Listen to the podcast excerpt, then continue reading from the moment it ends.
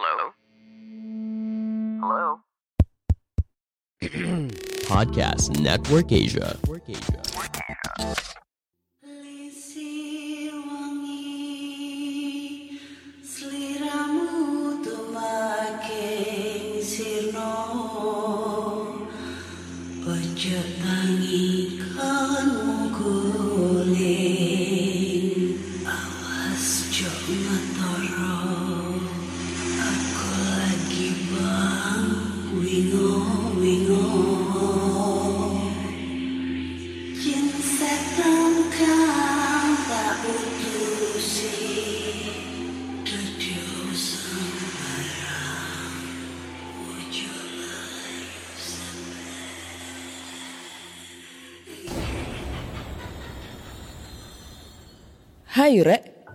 iya apa kabar Ketemu lagi dengan aku si Ana di podcast kisah horor.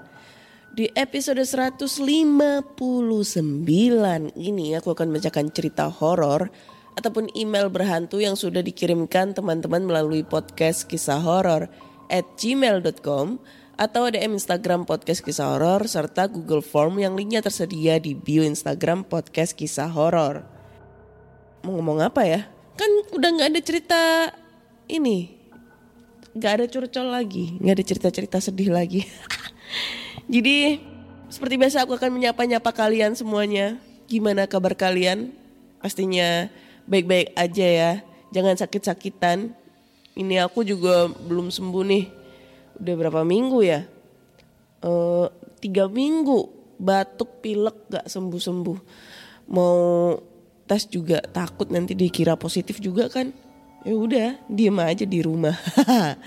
gitu.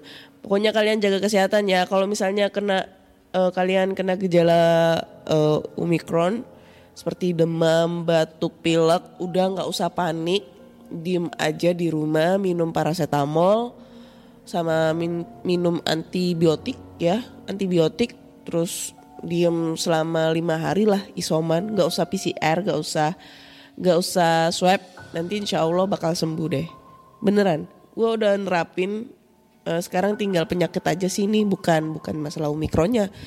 Ini emang aku bandel suka minum teh kemasan botol tuh ya pucuk-pucuk gitu. Terus sering minum-minum itu akhirnya bikin tenggorokan sakit, radang, pilek, batuk, nggak sembuh-sembuh kayak gitu. Menyedihkan. Oke, langsung aja kita bacakan cerita horor dan cerita pertama ini datang dari Google Form. Cerita pertama mana ya tadi ya? Oh ini datang dari Bagus, namanya Bagus ya. Judulnya Hotel Dekat Daerah Dago, Bandung nih pasti.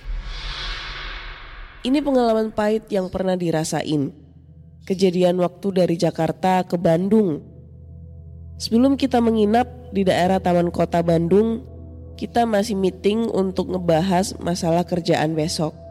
Kebetulan teman dapat motor dari kenalan teman Bandung.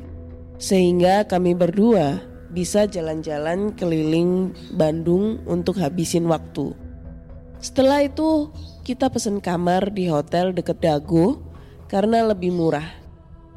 Di saat itu kami lihat kamar banyak pasangan muda-mudi seliweran sekitar. Mungkin lebih banyak dipakai buat mesum pikiran saya karena murah nggak sampai 100 ribu di tahun 2015. Di saat kita sudah masuk kamar, TV kita nyalakan buat hiburan. Kadang suara kamar sebelah lebih kenceng daripada TV. Sehingga kita nggak fokus. Kita sempat nguping orang lagi bermain. Kondisi sudah tidak bersahabat. Sehingga kita mau memutuskan istirahat. Di saat terlelap, antara sadar gak sadar ada yang narik selimut. Sehingga agak sedikit kesal sama temen. Pas dengan berat hati mata saya buka. Saya lihat teman saya sudah lelap tidur di sebelah saya.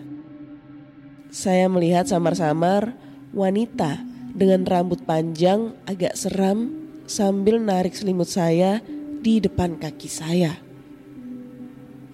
Saya mau teriak dan membangunkan teman saya. Saya nggak bisa mengeluarkan suara. Wah, anjir, gak ada titik koma. Antara takut dan mau pingsan jadi campur aduk. Lalu saya spontan istighfar dalam hati dan mata langsung saya meremin hingga tertidur. Di saat terbangun saya spontan lihat selimut dan di depan saya untung udah siang. Di saat kita udah mandi kita masih nyantai untuk ngopi dan ngeteh. Dari santai itu saya sempat menceritakan kejadian mimpi semalam. Ternyata teman saya juga mengalami mimpi sama. Untung hanya sehari doang di hotel tersebut, sehingga besoknya kita langsung pindah hotel yang layak meski agak mahal sedikit. Harga murah belum tentu aman, mending yang biasa-biasa aja. Itu sedikit pengalaman yang bisa saya ceritakan. Aduh, pilek. Oke, thank you banget buat Bagas. Bagas apa bagus sih tadi namanya? Ntar. Oh bagus ceritanya ya. Hotel skidi papap, skidi papap. Ini kayaknya pengalamannya itu hampir sama dengan pengalaman aku yang dulu udah pernah aku ceritakan. Aku lupa di episode berapa ya. Itu eh, waktu aku ke Bandung. Waktu aku ke Bandung udah udah udah ngepodcast ya aku cerita kok. Dan waktu itu aku ngerekordnya pas lagi di Bandung juga, pas di kamar di kamar tersebut gitu loh. Jadi eh aku ceritain lagi ya. Jadi aku ke Bandung itu nyamperin mantan aku yang bajingan itu. namanya Rio, anjir. Rio, makanya sebel banget yang namanya Rio sama Ega itu.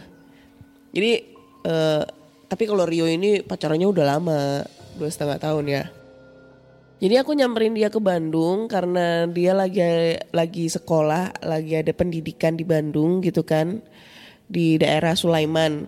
Nah, aku disuruh nyamperin dia ke sana karena kalau misalnya ke Makassar eh, mahal juga tiketnya waktu itu gitu kan. Jadi mumpung dia lagi di Jawa, udah samperin aja di sana.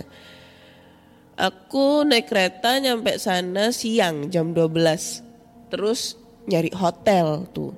Jadi posisi aku di stasiun, stasiun Bandung, aku nyari hotel. Nah, kebetulan nyari di Traveloka itu nggak nemu. Karena menyesuaikan budget juga sih ya. Menyesuaikan budget di Traveloka mahal-mahal. Akhirnya kita dapet di Oyo. Oyo, nggak apa-apa lah nyebutin uh, brand di sini ya. Siapa tahu gue dikontrak gitu sama pihak-pihak brand tersebut. Hai. Jadi aku nemu hotel eh di Oyo. Aduh, daerah mana ya?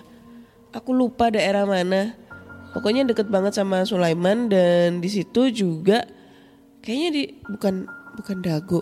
Cuma itu hotel kalau udah keluar gang terus keluar gang lagi itu udah pokoknya itu kalau di apa tiap malam itu banyak cewek-cewek yang melambai-lambai di pinggir jalan. Nah, paham ya maksudnya cewek-cewek yang melambai di pinggir jalan. Itu aku lupa daerah mana sih, deket banget sama stasiun Bandung. Aduh, daerah mana ya? Lupa. Dago, bukan. Ya itulah pokoknya. Nah, itu hotel harganya kebetulan murah. Cuma 88 ribu. Gue bisa dapat kamar tipe family. Jadi kalau tipe ke family itu kasurnya ada tiga cuy. Besar banget. Beneran, gue gak bohong. Besar banget eh, kamarnya. Ada tiga kasur. Dua bed besar, satu bed kecil. Ya, dua bed besar, satu bed kecil. TV dan kamar mandinya juga lumayan luas. Gitu. Jadi gue dapetin itu kamar harga 88 ribu. Lumayan kan ya, 88 ribu gue dapetin itu eh, kamar gede gitu. Nah, waktu itu gue gak pernah mikir yang aneh-aneh. Nah itu hotel juga dibuat gitu-gituan nih, sama ya kayak ceritanya sih bagus. Dibuat gitu-gituan. Dan lokasi hotelnya masuk gang kecil. Gang kecil, terus habis itu ini hotel, sampingnya hotel, depannya hotel. Jadi kayak satu lokasi gitu loh, bukan satu seberang-seberangan jalan, bukan. Tapi satu lokasi tuh ada tiga hotel nama berbeda gitu. Pasti kalau orang Bandung tahu deh. Nah, aku nginep di situ. Yang aku temuin di situ adalah ada di situ ventilasi, eh bukan ventilasi, jendela. Tapi jendelanya los kaca. Jadi nggak ada yang buat buka jendelanya itu karena jendelanya udah di di apa kayak dipaku mati gitu loh dipaku mati jadi nggak ada yang bisa buka nah kalau aku lihat di luar jendela itu nggak ada pemandangan apa apa cuy. Cuma tembok gitu. Jadi ini jendela eh ini luarnya jendela itu kayak ada jalan kecil tapi ketutup buntu gitu deh. Terus ada tembok gitu tembok tinggi banget. Dan orang nggak bakalan bisa masuk situ karena itu tembok tembok tembok tembok gitu ya. Tapi ada kayak jalan gitu jadi bisa lah kita duduk-duduk di situ nah pas waktu jam berapa ya? Maghrib gak salah. Eh nggak sampai. Sore lah jam 5 jam 5 sore. Kan aku lagi nunggu cowok aku tuh. Eh bukan mantan aku tuh buat ngejemput. Karena kan emang dia di situ kan ketat. Keluarnya curi-curi gitu kan. Jadi aku nunggu dia dijemput buat makan malam tuh waktu itu waktu aku lagi santai-santainya nonton TV kayak ada yang ngetok-ngetok jendela. Itu itu udah pernah aku ceritain sih di episode sebelumnya cuma aku lupa episode berapa. Jadi ada yang ngetok-ngetok jendela. Nah pas aku cek itu jendela aku buka itu gordennya nggak ada apa-apa cuy. Nggak ada orang nggak ada maksudnya nggak ada hewan di sana. Kalaupun itu tikus juga nggak mungkin. Dan apa namanya? Eh nggak ada orang yang masuk ke lokasi tersebut. Jadi bersih gak ada orang gitu. Ya pikiranku udah mulai positif aja sih. Belum belum negatif ya. Udah udah masih mikirnya ah mungkin hewan ah mungkin apa gitu ya. Udah. Lanjut lagi nonton TV sambil rebahan karena capek banget kan seharian di kereta. Nah, udah. Ada yang ngetok-ngetok lagi dicek gak ada. Itu sampai tiga kali yang ngetok-ngetok jendela itu. Ngetoknya bunyinya kayak ah gitu. Cuma dua dua kali gitu doang. Tapi itu terjadi tiga kali dengan jeda waktu lima menit. Udah ketokan ketiga gue udah gak peduli. Udah uh, gue udah gak peduli itu mungkin uh, ya biasalah gitu ya. Udah abis itu abis maghrib gue mandi. Karena jam tujuan itu eh ya jam 7 jam 8 itu cowok gue bakal ngejemput. Abis maghrib gue mandi mau sholat maghrib Nah itu mandi posisinya. Itu kamar mandi tadinya bersih, gak ada apa-apa sama sekali. Ya cuma handuk gitu doang, di lantai juga bersih. Tapi setelah aku keluar sama mantan aku dan balik lagi ke kamar, ke hotel, dan posisinya gue mau pipis sama cuci kaki, cuci tangan, itu banyak rambut berceceran di lantai kamar mandi. Lokasinya deket sama lubang pembuangan air. Nah itu banyak banget rambut. Rambutnya itu ada berapa kali 15 sampai 20 helai. Tapi kayak ya modelnya kayak orang habis keramas terus rontok rambutnya kayak gitu. Nah gue ngerasa kalau rambut gue itu bukan rambut gue karena rambutnya panjang banget dan rambut gue itu pendek pada saat itu. Terus gue mikir, oh mungkin ini uh, dari atas kali ya rontok gitu. Atau mungkin ini dekat uh, dari pembuangannya itu naik ke atas. Tapi secara logika nggak mungkin dong dari lubang pembuangan terus naik ke atas, gila kan? Udah, mudah amat gue bersihin itu rambut. Ber, ber, udah tidur, habis tidur tengah malam jam sekitar jam 2 malam gue bangun kebelet pipis sama haus kan nah itu ke kamar mandi lagi rambutnya ada lagi tapi lokasinya berbeda bukan dekat lubang pembuangan melainkan agak ke tengah dikit deket sama shower. Beuh, ngeri. Itu udah mulai berpik apa ya berpikiran yang aneh-aneh saya itu. Tapi gua tahan-tahan. Cuma selama aku tidur di sana seharian, ya semalaman, itu nggak ada hal-hal penampakan yang aneh-aneh. Cuma kejanggalan rambut sama yang ngetok jendela itu doang. Besoknya gue udah nggak betah, gue pindah kamar. Eh pindah kamar, pindah hotel. Nah, waktu mau ini ngambil KTP di resepsionis, gue sempat tanya ke resepsionisnya, Mas, pada saat aku keluar ada nggak room boy-nya itu masuk ke kamar aku gitu, waktu malam-malam. Soalnya eh, saya ngeliat ada rambut di deket tempat pembuangan air di kamar mandi, gitu kan.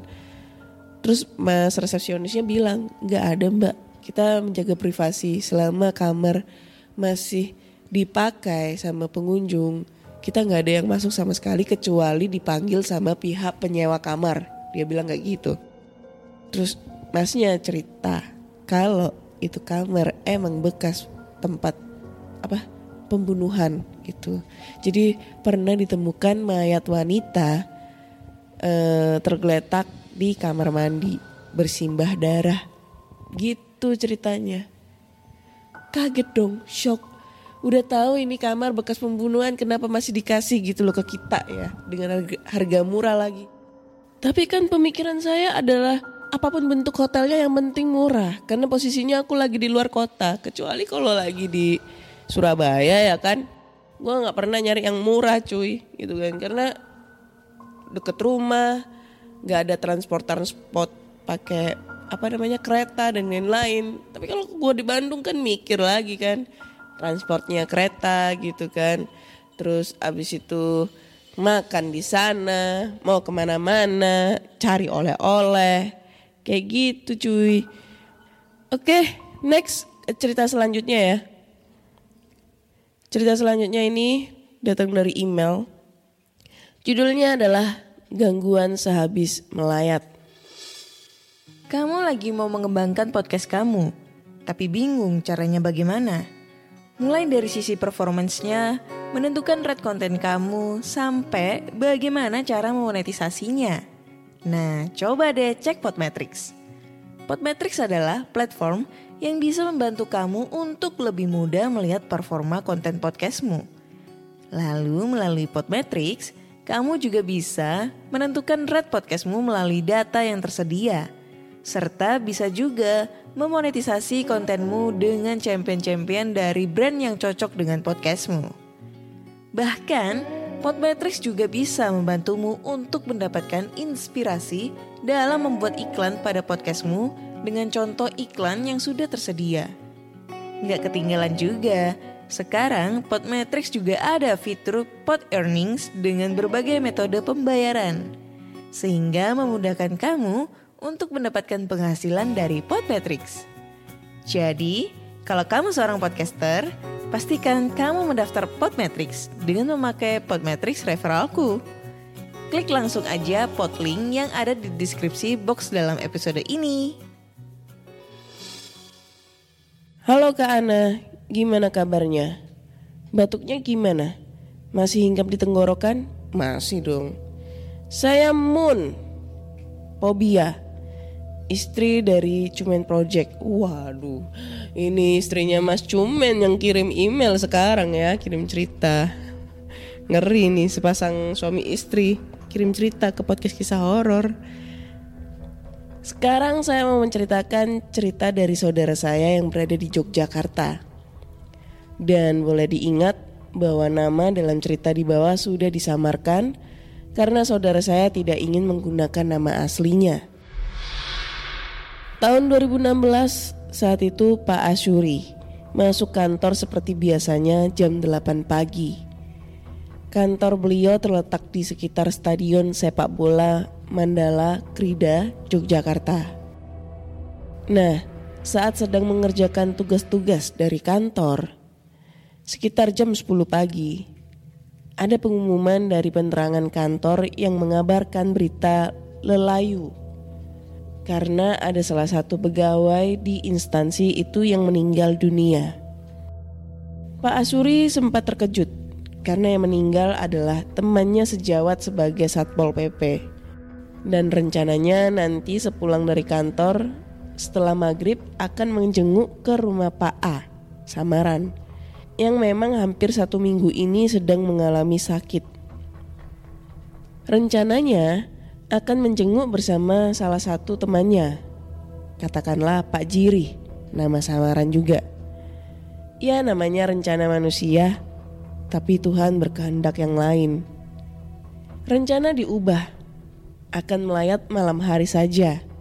Pemakaman akan dilaksanakan besok. Tapi karena kebetulan besoknya ada tugas dari kantor yang tidak bisa ditinggalkan, lalu setelah berbicara dengan Pak Jiri, disepakati jam 7 malam akan berangkat dari rumah Pak Asyuri. Pak Jiri akan menjemput beliau dan berangkat bersama-sama menuju rumah duka. Jam 7 malam kurang, Pak Jiri pun datang. Dan setelah menunggu sebentar, akhirnya Pak Asuri dan Pak Jiri dengan berboncengan sepeda motor pun berangkat menuju ke lokasi. Pak Asuri yang berada di depan karena beliau tahu lokasi rumah almarhum Pak A yang kebetulan tidak jauh dari kampung kelahiran beliau di daerah Piungan. Wah, dekat rumah ini mah. Melewati jalan tembus dari daerah Berbah ke arah Piungan adalah pilihan jalan yang akan dilewati karena lebih singkat dan tidak terlalu ramai daripada harus melewati jalan raya Prambanan Piungan. Betul. Yang ramai tapi harus memutar terlalu jauh. Tidak sampai setengah jam perjalanan sampailah mereka di lokasi rumah duka. Lalu setelah memarkirkan motor, masuklah mereka ke dalam untuk mendoakan bagi kedamaian dan ketentraman arwah Pak A. Dan memohonkan kepada Allah akan pengampunan dosa bagi almarhum. Setelah itu menyalami keluarga yang berduka dan menguatkan mereka. Kemudian dipersilahkan duduk di tempat yang telah disediakan. Lalu, berdua membaur dengan warga yang ada dan saling berkenalan. Lalu mengobrol tentang almarhum dan keluarga, serta ikut mendengarkan rencana tentang pemakaman almarhum. Tak terasa hampir dua jam lebih mereka di sana.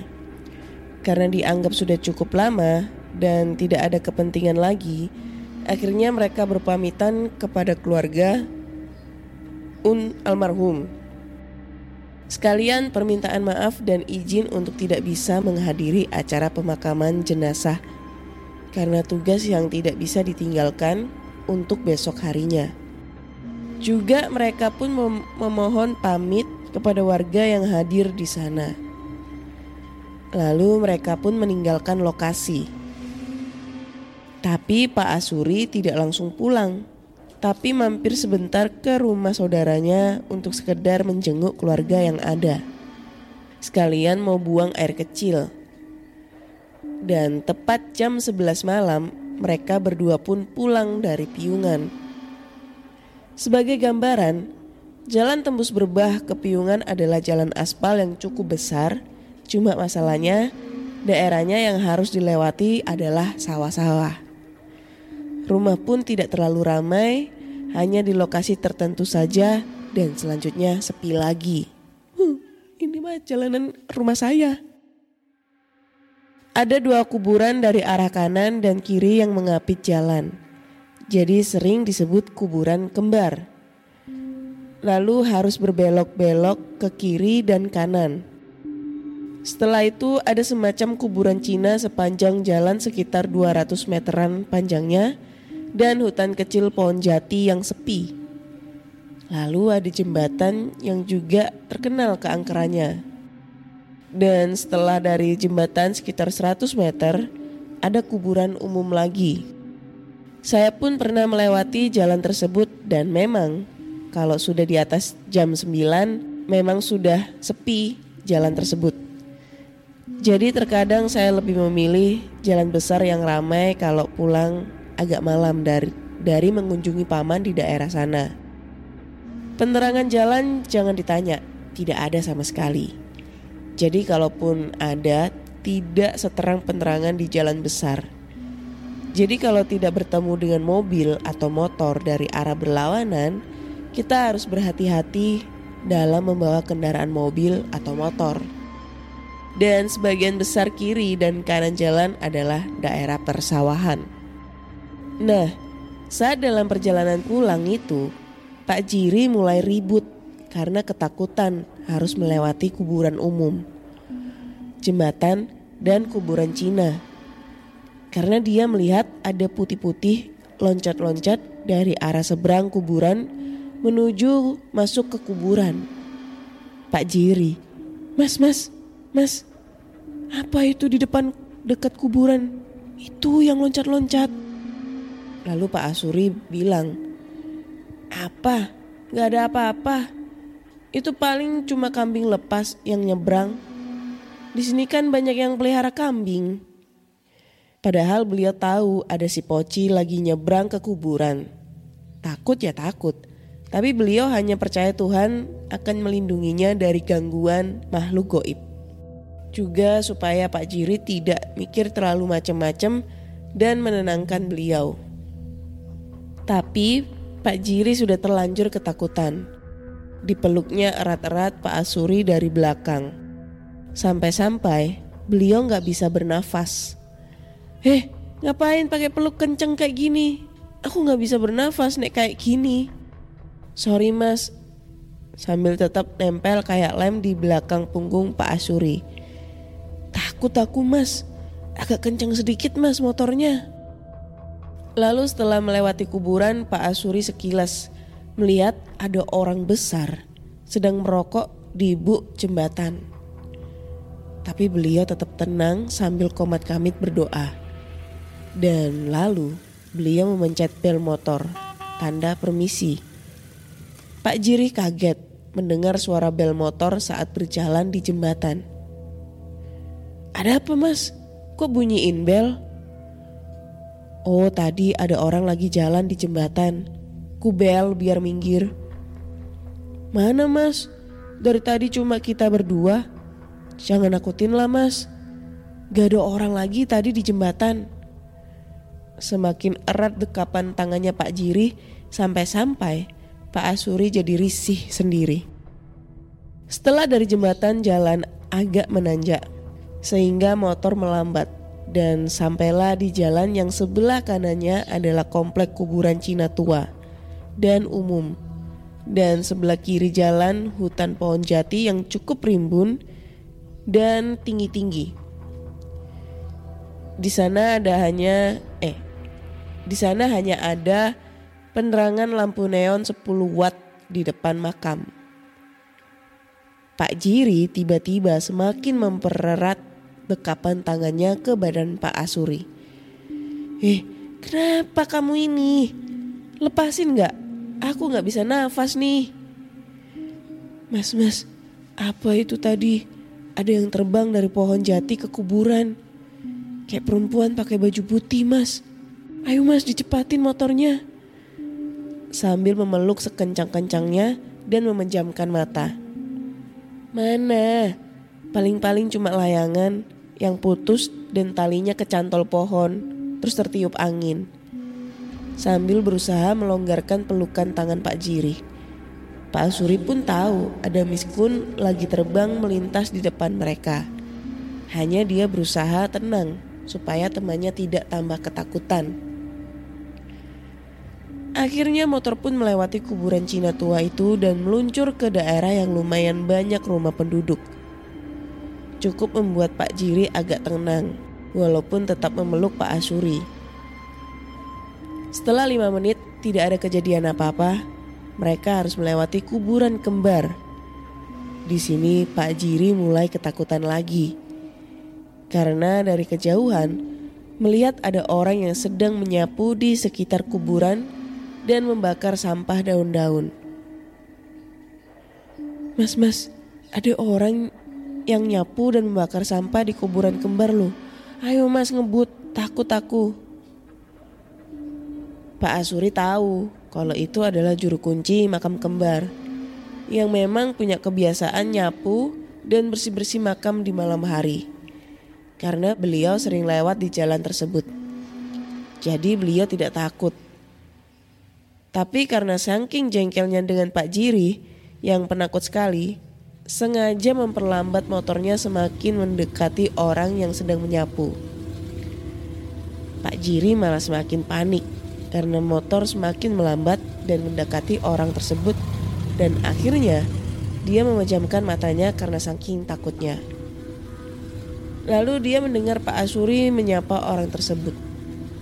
Malam Mbah Bejo lagi tugas nggih Mbah, kata orang tersebut. Eh, Mas Asuri toh. Loh, dari mana kok malam-malam di sini?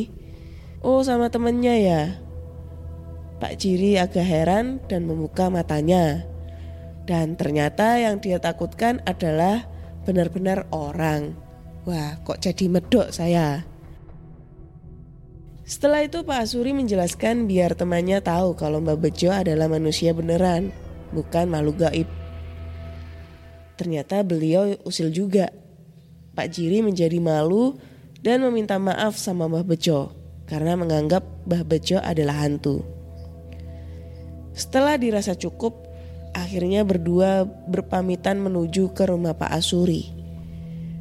Terima kasih Pak Kak Ana sudah membacakan cerita dari saya. Maaf kalau ceritanya tidak seram, kepanjangan, kurang jelas, atau tipe yang membuat sang pembaca sakit untuk membacanya. Iya, bentar kok ngeong terus kamu. Untuk sementara ini saya yang mengirim cerita dikarenakan Cumen sedang ada urusan di kota Jakarta.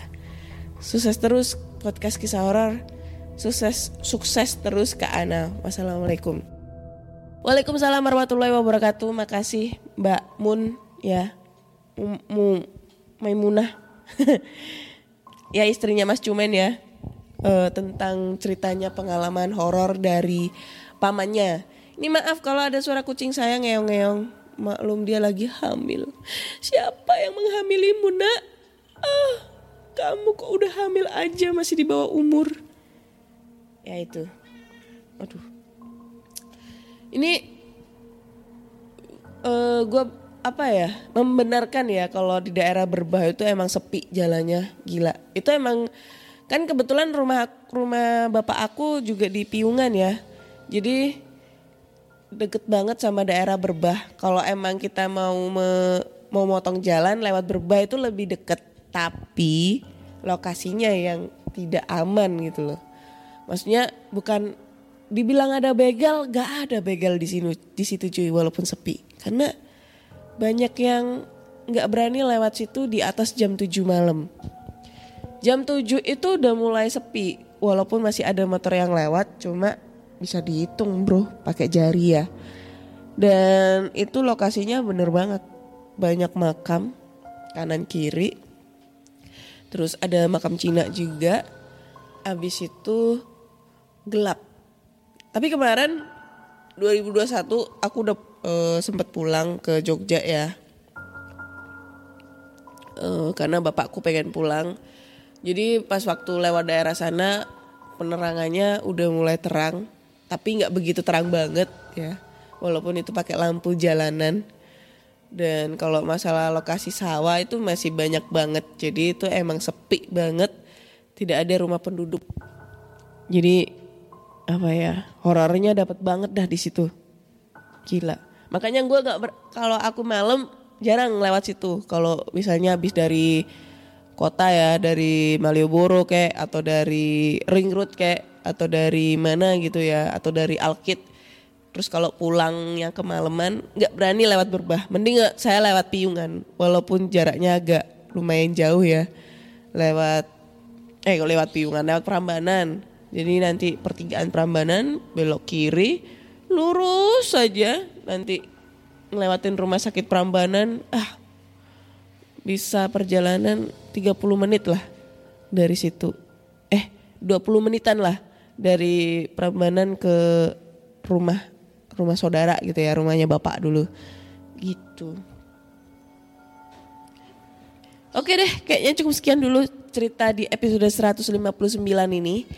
Udah banyak cerita serem-serem yang aku bacain dari episode pertama sampai episode 159 ada ratusan cerita ya. So buat teman-teman semua kalau kalian punya cerita horor nih ya, kalian langsung aja kirim cerita kalian ke podcast kisah horor at gmail.com atau DM Instagram podcast kisah horor serta Google Form yang linknya tersedia di bio Instagram podcast kisah horor. Jangan lupa dengerin podcast kisah horor di Spotify, Google Podcast, Apple Podcast serta di Noise.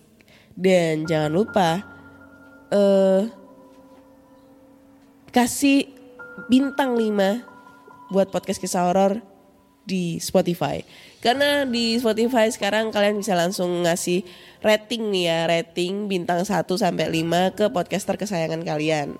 Serta jangan lupa tinggalkan komentar di setiap episode di Noise karena nanti pasti bakal aku bacain komentar-komentar kalian. Oke, akhir kata saya Ana undur diri dan bye-bye. Pandangan dan opini yang disampaikan oleh kreator podcast, host, dan tamu tidak mencerminkan kebijakan resmi dan bagian dari podcast Network Asia. Setiap konten yang disampaikan mereka di dalam podcast adalah opini mereka sendiri dan tidak bermaksud untuk merugikan agama, grup etnik, perkumpulan, organisasi, perusahaan, perorangan, atau siapa pun dan apa pun.